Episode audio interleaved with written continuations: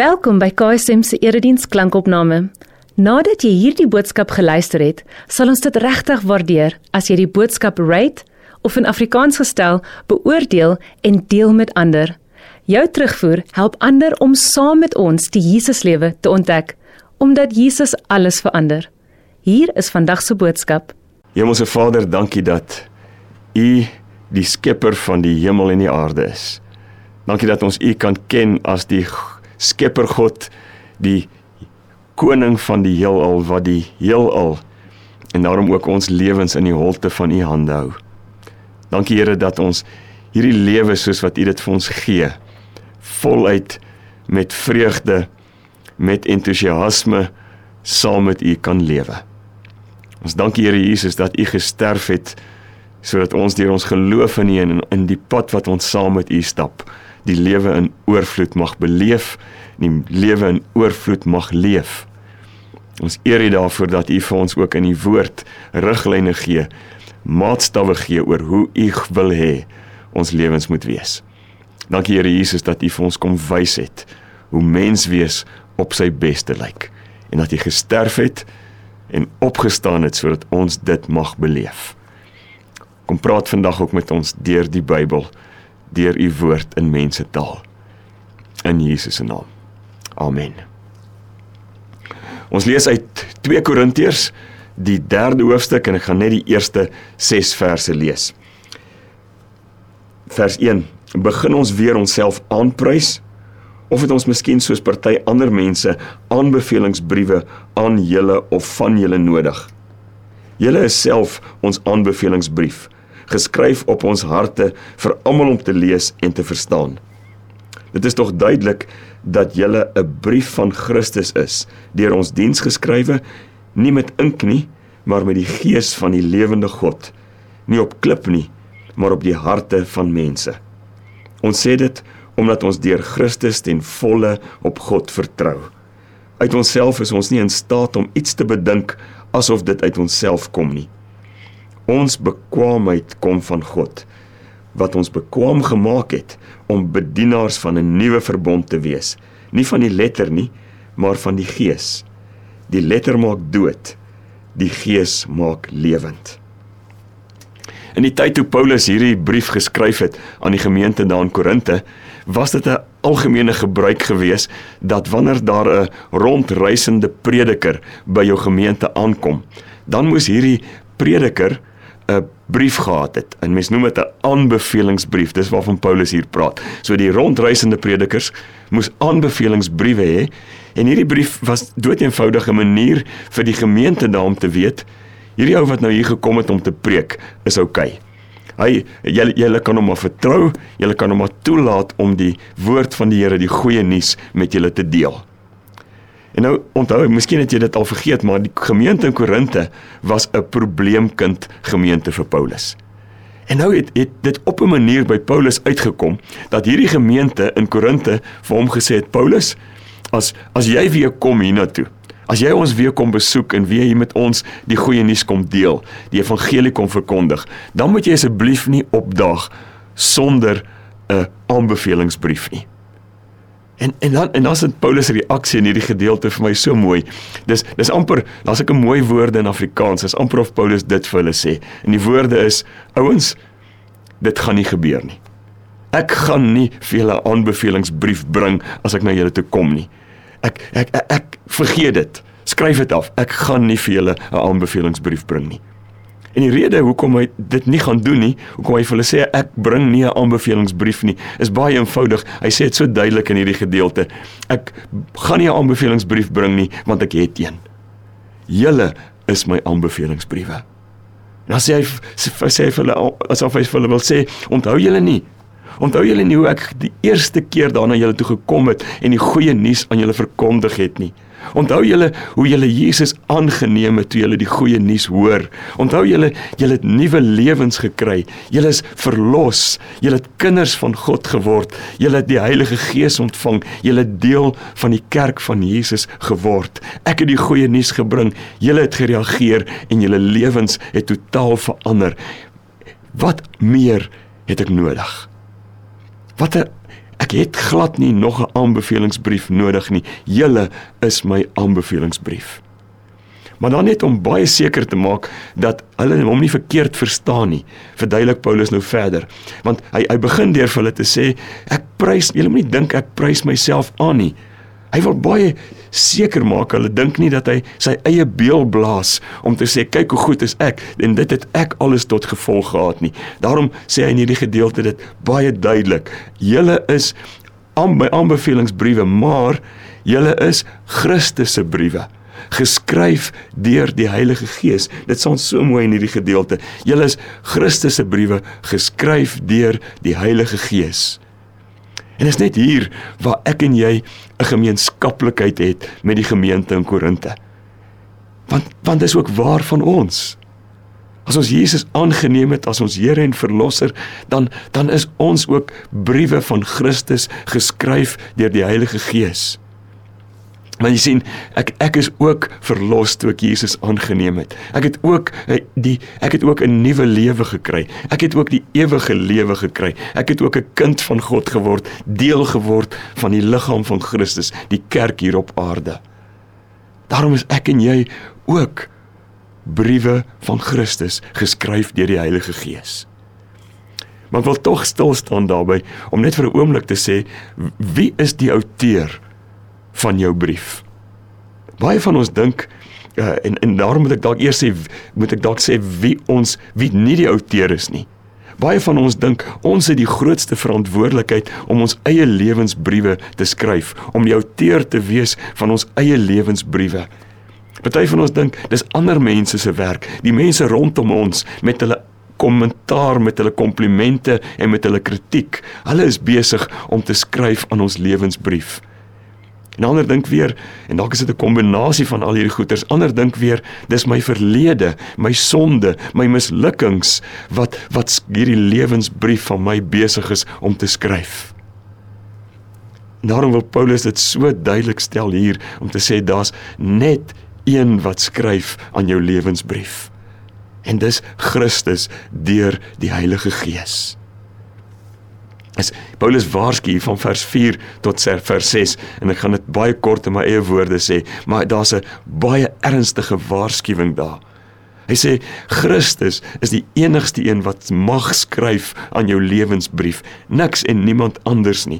En dan is hierdie waarskuwing, as jy gaan probeer om om jou eie lewe te verbeter, as jy gaan probeer om jouself vir God meer aanvaarbaar te maak deur deur dinge wat jy doen, deur goeie werke en deur deur jou goeie optrede, dan maak jy 'n baie gevaarlike fout.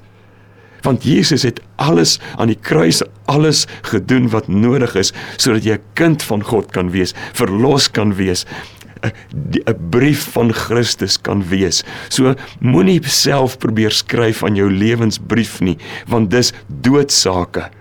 As jy probeer om by te voeg by wat Jesus reeds gedoen het, is jy besig met doodsake. Hy sê die onderhouding van die wet om vryspraak te kry, om verlos te word, om in die regte verhouding met God te kom, dit maak dood.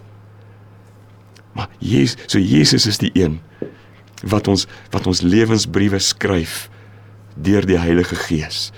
En ons moet hom nie probeer help om self onsself beter en meer aanvaarbaar te maak nie, want alles wat ek bysit by Jesus se volmaakte werk is lewensgevaarlik. Dit maak dood, sê Paulus hier. As ons verder kyk, uh, dis da, dan is die Heilige Gees verder in ons lewe betrokke. Dis hoekom Paulus sê Christus se brief geskryf deur die Heilige Gees, want want Jesus het het die brief geskryf. Ons is briewe van Christus. En nou is die Heilige Gees besig om dit verder in ons lewe te vat. As ons die vraag vra vandag, uh Jesus is die outeur, Christus is die outeur, dan is die belangrike vraag, wat skryf hy in hierdie brief? En die antwoord is hy skryf net een woord. En die woord is 'n naam. Hy skryf Christus in ons lewens. Want jy sien dit sê Paulus ook so duidelik op verskillende plekke. As ek Jesus aangeneem het, as ek in hom glo as my Here en my verlosser, dan het ek een met hom geword. En dan sê iemand, is dit so mooi? Hy sê uh, hy sê the character of Christ is imprinted upon you. So as jy Jesus aanneem, dan word jy een met Jesus, dan word die karakter van Jesus op jou lewe afgedruk en jy lyk al hoe meer soos Jesus en dan kom die Heilige Gees in ons en hy kom maak en hy kom vorm Jesus al hoe duideliker in my lewe. Hy kom maak Jesus al hoe sigbaarder in my lewe. Sodat die mense Jesus kan sien wanneer hulle na my kyk. Na my kyk. Wat ek wil hê jy moet vandag met jou saamvat is hierdie gedagte. Jy is 'n brief van Christus geskryf deur die Heilige Gees. Maar ek weet nie van jou nie. Ek sukkel baie keer met hierdie gedagte wat ek nou net gedeel het. Want sodra ek dit sê, sodra ek dit van myself sê, jy's 'n brief van Christus, dan is dit of daar 'n koorstemme hier in my binneste opgaan wat sê, regtig? Jy 'n brief van Christus. Onthou jy nie hoe jy gister jou meer verloor het nie? Onthou jy nie hoe jy sukkel met die lewe nie? Onthou jy nie hoe jy dikwels selfsugtig is en jou lewe net om jouself draai nie? Onthou jy nie hoe jy hoe, hoe jy baie keer met mense maak nie? Jy 'n brief van Christus, the character of Christ imprinted upon you. Vertel my aan die ene. As jy kan identifiseer met wat ek nou net gesê het. Dan wil ek jou vandag herinner aan wie die gemeente is vir wie Paulus hierdie brief eers geskryf het. Dis die probleemkind gemeente. Dis die gemeente in in Korinte. Dis die gemeente wat Paulus se gesag as apostel openlik uitgedaag het.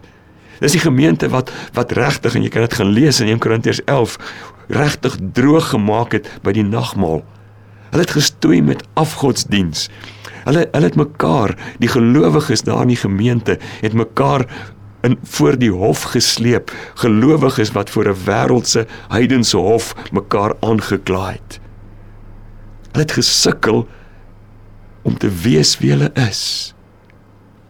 En is aan asof Paulus dit weet of nie asof nie Paulus weet dit alles. En ek weet nog baie meer as wat in hierdie hierdie brief staan van hoe hierdie gemeente geleef het. En tog sê hy vir hulle: Ek weet wie julle is. Ek weet hoe julle sukkel met die lewe, maar julle is briewe van Christus geskryf deur die Heilige Gees. Asof hy vir hulle sê: Dis wie julle is. Wees nou wie julle is, want julle word gelees. Julle word gelees. En net hier, liewe vriende, is jou en my roeping. Ons ons word gelees deur die mense rondom ons. Ons word in ons huise wanneer ons met ons met ons kinders gesels, wanneer ons met hulle speel, wanneer ons hulle dissiplineer, word ons gelees. Wanneer ek met my huweliksmaat 'n gesprek het, 'n moeilike gesprek het, word ek gelees. Ek word gelees in die samelewing wanneer ek brandstof ingooi, wanneer ek my motor bestuur, wanneer ek om 'n raadsvergadering met kollegas sit, wanneer ek wanneer ek in die strate of waar ook al beweeg, ek word gelees. Die samelewing, die mense rondom my lees my. Iemand het dit duidelik gesê, kan dit amper nie beter sê nie. Hy sê the most powerful sermon in the world die kragtigste preek in die wêreld is that of a consistent Christian life. Hy gaan aan en hy sê the the eye of the world takes in much more than the ear. Met ander woorde, die wêreld sien baie beter as wat hulle hoor. Hulle sien hoe ons optree baie beter as wat hulle hoor hoe ons preek en hoe ons vir hulle mooi dinge vertel en wonderlike dinge vertel. Hulle sien beter as wat hulle hoor. The most powerful sermon in the world is that of a consistent Christian life. En nou is die vraag wat beteken 'n consistent Christian life. Dis baie eenvoudig. Dis 'n lewe wat in lyn is met wie jy is. Dis 'n lewe wat in lyn is met wie Jesus jou gemaak het, 'n verloste, 'n 'n kind van God, 'n 'n nuwe mens, 'n geesvervulde deel van die liggaam van Christus. So 'n consistent Christian life is doeteenvoudig om te weet wie jy is, om te weet wie Jesus jou gemaak het om te wees. Baie jare terug al het iemand gesê die ou se naam is uh, Ignatius van Antiochië. Honderde jaar eeue terug het hy hierdie ding gesê. Hy het gesê die wêreld of of jou lewe is die taal waarmee God praat met ongelowiges. Jou lewe is die taal waarmee God praat met ongelowiges. En daarom wil ek vandag vir jou vra om onthou Onthou asseblief, jy is 'n verloste. Jy is 'n brief van Christus geskryf deur die Heilige Gees. Ja, jy het foute. Ja, jy jy leef nie altyd in lyn met wie jy is nie, maar onthou, jy is 'n brief van Christus. En onthou, jy word gelees. Jou jou veranderde lewe is die taal waarmee God praat met jou met jou mense in jou huis. Dis die taal waarmee God praat met jou kollegas. Dis die taal waarmee God praat met jou vriende. Jou veranderde lewe is die taal waarmee God praat met sy wêreld. Met hierdie wêreld wat hy so ontsettend liefhet. Dat hy sy mooiste mooiste liefdesbrief aan ons geskryf het. En hierdie brief se naam is Jesus. God het die wêreld so lief gehad dat hy sy enigste seun gegee het sodat elkeen wat in hom glo nie verlore sal gaan nie maar die ewige lewe sal hê. Jou veranderde lewe is die brief waarmee God hierdie verhaal vertel. Amen. Hemelse Vader, dankie dat U ons liefhet met liefde wat nooit ophou nie. Dankie Here Jesus dat U uit liefde aan die kruis en deur die opstanding alles gedoen het wat nodig is sodat ons verlos kan wees. Sodat ons briewe van Christus kan wees geskryf met die Heilige Gees. Here, ons is vandag so bewus daarvan dat ons foute het. Dat ons nie altyd in lyn is in lyn leef met wie ons is in Jesus nie. Daarom bid ons Heilige Gees dat U sal voortgaan in ons lewe om Jesus al hoe duideliker in ons te vorm. Sodat ons regtig briewe sal wees wat gelees word. Briewe sal wees waar mense lees van die liefdesverhaal van 'n liefdevolle vader van 'n bruidegom wat sy lewe vir sy bruid afgelê het en weer kom vir die bruilofsmaaltyd Heilige Gees kom maak ons mense wat in lyn leef elke dag met wie Jesus ons gemaak het verloste nuwe mense kinders van die lewende God. Ons bid dit in U naam Here Jesus. Amen. Indien hierdie boodskap vir jou betekenisvol was, oorweeg dit om in te teken vir ons nuusbrief, waarin ons weekliks hulpbronne en opkomende gebeure by KSM deel, sodat ons saam die Jesuslewe kan ontdek. Besoek ksm.co.za en word deel.